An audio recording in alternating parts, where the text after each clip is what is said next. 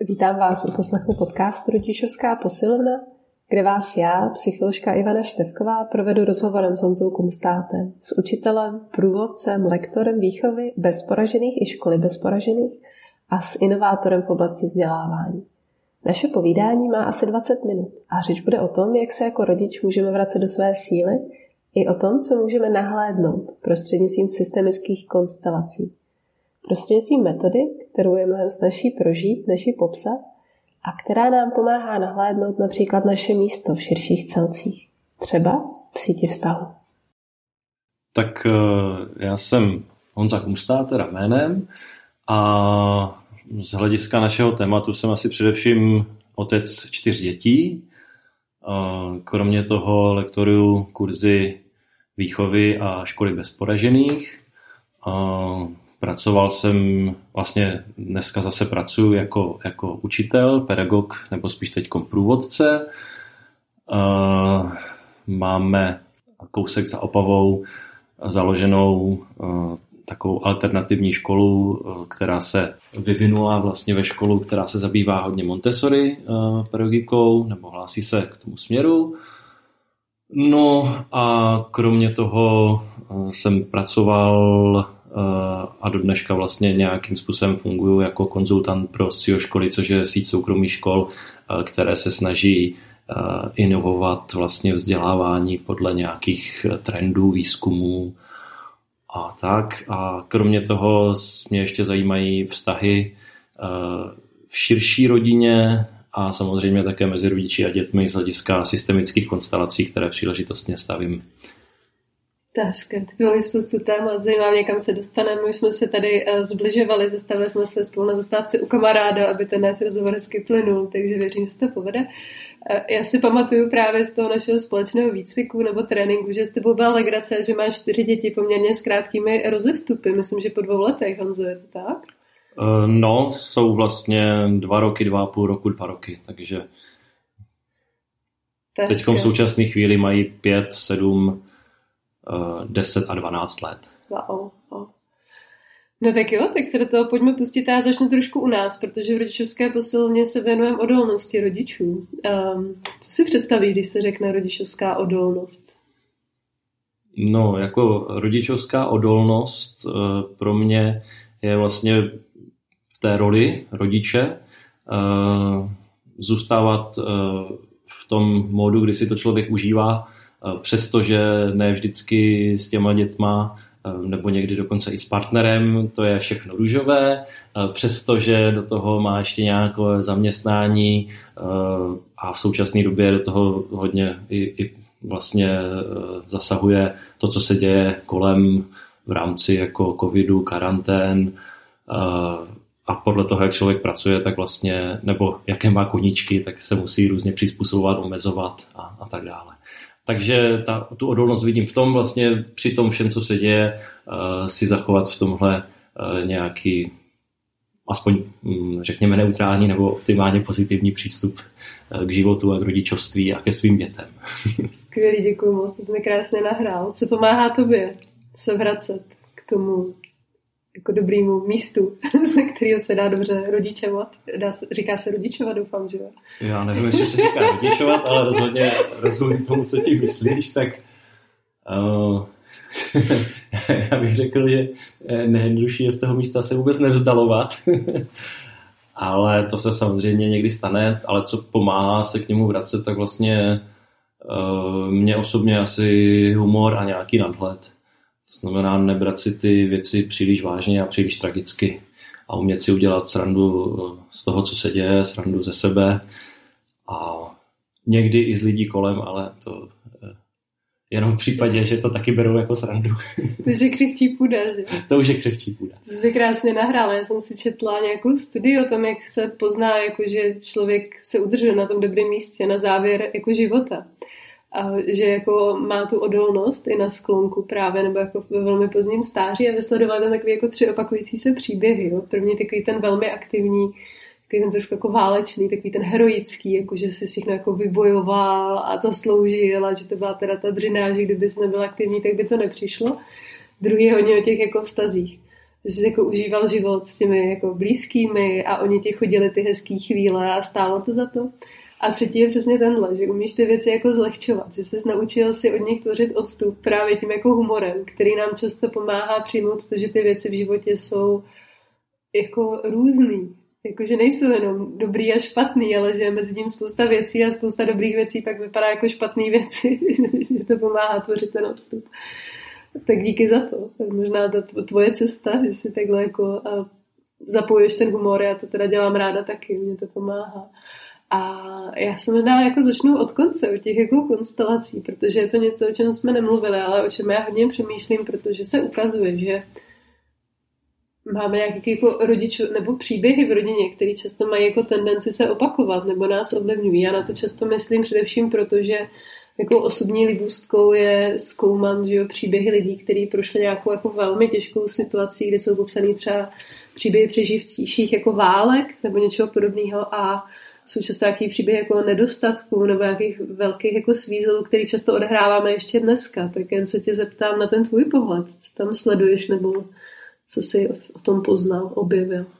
Jo, no, jako ty konstelace uh, mi dali asi ten, mě osobně nejvíc ten vhled, že vlastně uh, každý příběh uh, může být jako smrtelně vážný, protože spousta těch zajímavých těch tragických příběhů tak je, ale vlastně na každý se dá koukat jako na prostě tu historii nebo věc, ano, tak to je, nebo tak to bylo a vlastně to pomáhá člověku k tomu si z mého pohledu vytvořit takový ten zdravý odstup od toho, vlastně přijmout tu skutečnost. A jak jsem říkal, v mém případě ještě je tam ten humor, když vlastně to přijmout někdy tak to je vlastně hodně těžké, tak si to člověk může usnadnit tím, že si z toho chvilinku dělá srandu a někdy se může stát, že ta sranda to zlehčí a pak se to bere s nás a někdy to může být taková ta sranda, která přijde v takové ty jako slzy, které vlastně se dostanou na, na tu podstatu toho, uh, co je tam zatím. Že to není vlastně jenom takový ten levný humor, ale je to takový ten humor, který je někdy obraný. To hodně připomnělo jako truchlení. Ty se vlastně popisuje jako truchlení je trošku tabu téma, mi přijde, mm-hmm. jako v naší společnosti se o tom moc nepíše. A jsou jako knížky o tom, jak si může zachovat odolnost a truchlit a právě popisují to, co je pro nás často tabu, že když někdo zemře, tak se předpokládá, že by se neměl smát. Mm-hmm. Protože se to jako nehodí, nepatří, protože někdo odešel, tak jak se můžeš smát, jako kde se v tobě bere ta radost. Přitom se ukazuje, že jsou ty jako velký tradice těch pohřbů, kde se ty lidi jako sešli, vzpomínali na toho člověka v dobrým i ve zlém a vlastně se společně smáli a že jim to pomáhalo jako odplavit tu hrozně velkou ztrátu. Tak mě to jako vyvolalo mm-hmm. vlastně tuhle fantazii, že a možná je to taky druh ztráty, ne? Když zjistíme, jako tak něco bylo a už to nemůžeme změnit, nebo jak to vnímáš ty? Uh, nevím, jestli to je možná, když říkáš ztráta, tak mi to přijde nějaká ztráta spíš iluzí. To znamená, mm-hmm. že vlastně člověk si asi tvoří nějakou představu, potom truchlí možná nad ztrátou té svojí iluze. Toho, jak to bylo, nebo, nebo iluze, jak by to mohlo být. Že vlastně, když bychom žili v tom absolutním přijetí, tak vlastně nemáme proč litovat, protože litujeme jenom toho, co se nestalo, ale když se to nestalo, tak to vlastně není, není skutečnost. Mm-hmm. Jo, a teď mě to jako napadá jako vůči těm dětem třeba, že, jo, že jako tak lituju, co jsem dětem mohl říct, nebo ne, neměl říct naopak, nebo lituju, co z mých dětí vyrostlo, že to je vlastně no, takový uh, způsob myšlení, že ve smyslu jako eh, z, z mého dítěte vyrostlo něco a mohlo z něho vyrůst milion jiných věcí, nebo jako nekonečně mnoho věcí. A já můžu nekonečně mnohokrát tu truchlí, že z něho není přesně to, co z něho má být, anebo se radovat z toho, co z něho je. Mm-hmm.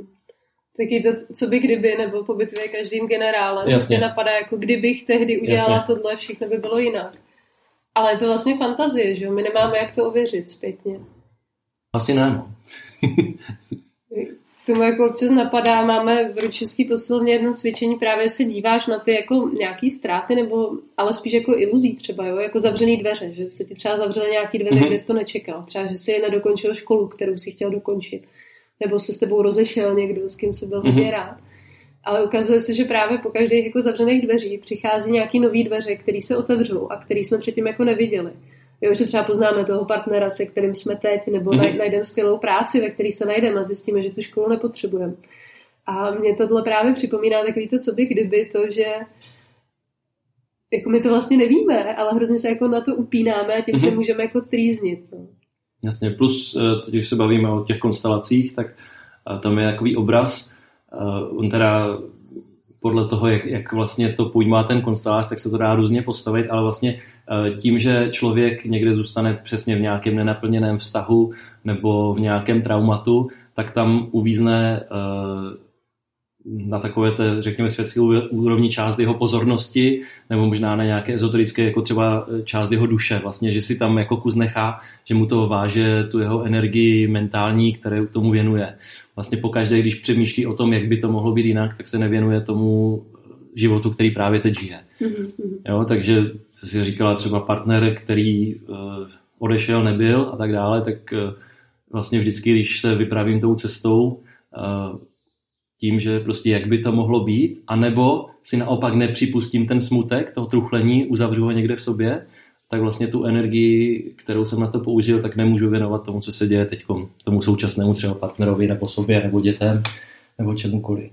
To se mi vlastně hrozně líbí, protože mi to připomíná mý oblíbený teorie, které se vážou k příběhům, jakože já jsem hodně příběhový člověk a říká se, že to je důvod, proč máš vyprávět ty příběhy o těch věcech, co se nepodařily, nebo kde jsi mm-hmm. selhal. Že když ten příběh jako uzamkneš v sobě, tak on začne tvořit nějaký jako metastáze, nějak v tobě žije mm-hmm. a dělá věci, to je dost možná podobný, že tě jako bere část tebe. Mm-hmm. Že v tobě má nějaká část jako odumřela, ty nemůžeš oživit, protože je to něco, co si jako uvěznil. No. Tak s tímhle dost souzním. Konstelace, to je hezké. Sleduješ nějaké, jsou konstelace třeba, když máš jako děti? Sleduješ mezi tím jako něco, že jako takový to, jak se říká, nejstarší, nejmladší dítě, prostřední, teď přemýšlím, jestli máš prostřední dítě, když eh, jako, nebo jsou dvě prostřední Mám dvě prostřední. jestli pak funguje charakteristika prostředního dítěte. tak uh, konstelačně je to ještě zajímavější, že vlastně tam jsou, jako hrajou roli většinou i nenarozené děti, protože jsou to nějaké příběhy, které jsou vlastně nedokončené, takže vždycky se tam může rozvětvit všechno možné. A jako systemické konstelace vlastně samozřejmě e, vycházejí z toho, co se děje a hodně to sledují. A pak existuje i nějaká té teorie jako sourozenecké konstelace, která je spíš taková psychologická a vychází z toho, e, vlastně, jaké, jaké ty děti, vzhledem k tomu, jak se k ním chovají rodiče, jak v to pořadí vlastně zaujímají vztahy a jaké oni zajímají potom vztahy k těm sourozencům, tak jaké mají ty charakteristiky hlavní. Tak a uh, s těma vlastně má to něco společného, protože samozřejmě uh, ty charakteristiky se projevují i, i potom v těch systemických konstelacích, kde se staví systém té rodiny. Mm. A obvykle uh, to tak je, jenom vlastně v těch systemických konstelacích, když se staví, tak je to hodně bráno jako fenomenologicky, to znamená, já to postavím a tam se něco děje a já nemám předem vlastně představu, jak by to mělo být, nebo co se bude dít. A samozřejmě je dobré mít i tu vědomost, že často to bývá takhle, ale uh, hodně to vychází z toho, že to může být jako i úplně jinak. Mm-hmm. Já myslím, že ta teorie právě těch sourozeneckých konstelací je spíš taková jako populárně psychologická, nebo jak ji vnímám, že to nechci vulgarizovat. To je přes mě jako trošku horoskop, takový to, co se často děje různým jako psychologickým pojmům nebo mm-hmm. něčemu popsaným, že tím začneme všechno jako vysvětlovat. Jo.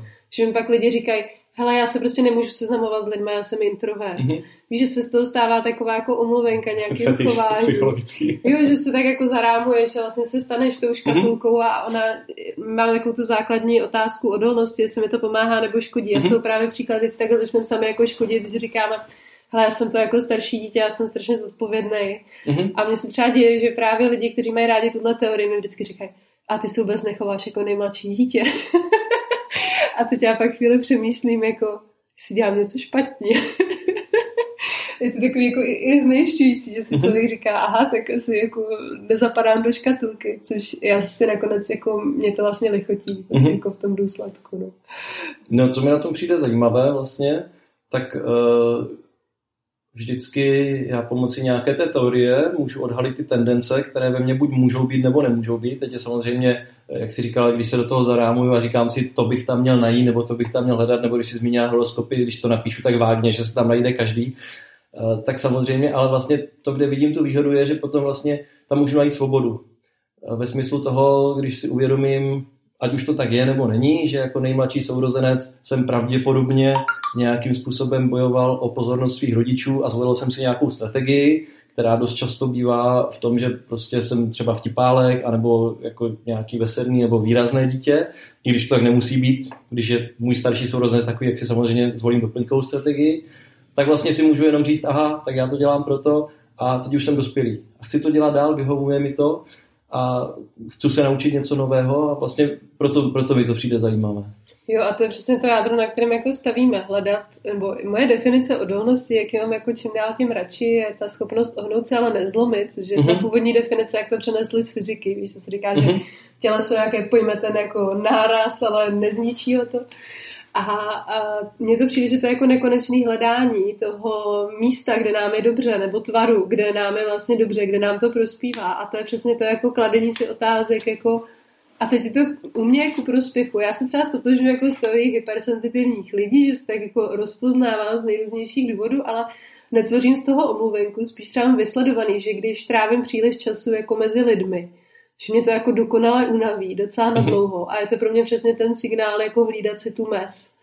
Jakože se spíš orientuju na to, co s tím můžu dělat, aby mi bylo dobře. Nebo jak v tom můžu prospívat.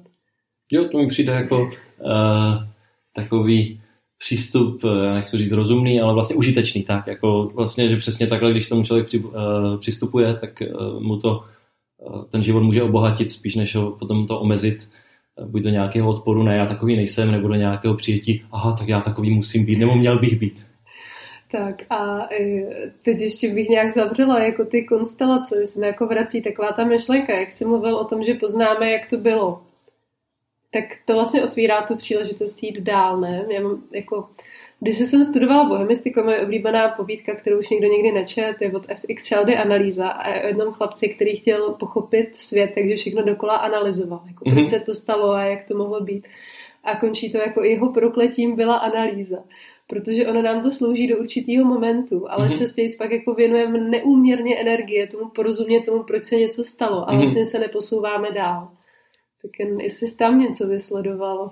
No, pro mě vlastně v současné chvíli poznání, která samozřejmě se bude určitě měnit, takže eh, to není eh, otázka vlastně hledání pravdy a toho, jak to bylo, nebo analýzy těch věcí, ale způsob, jak vlastně přijmout, že to nějak bylo. A ve smyslu toho, že vlastně pro mě není důležitá jako ta pravda, jak to bylo, protože stejně vlastně to, co vidím v konstelacích, tak já nevím, jestli to je pravda, nebo nedokážu to určit samozřejmě, ale uh, ten obraz ve mně něco vzbuzuje. A když mi ten obraz něco ukáže, tak já s těma emocema se můžu vyrovnat. Jo, je to asi klasický, když se dělá vlastně nějaká psychologie, respektive psychoterapie, tak pravděpodobně si myslím, že většina těch směrů taky vlastně si nějakým způsobem posvítí do těch zákoutí, které zůstávají skryté.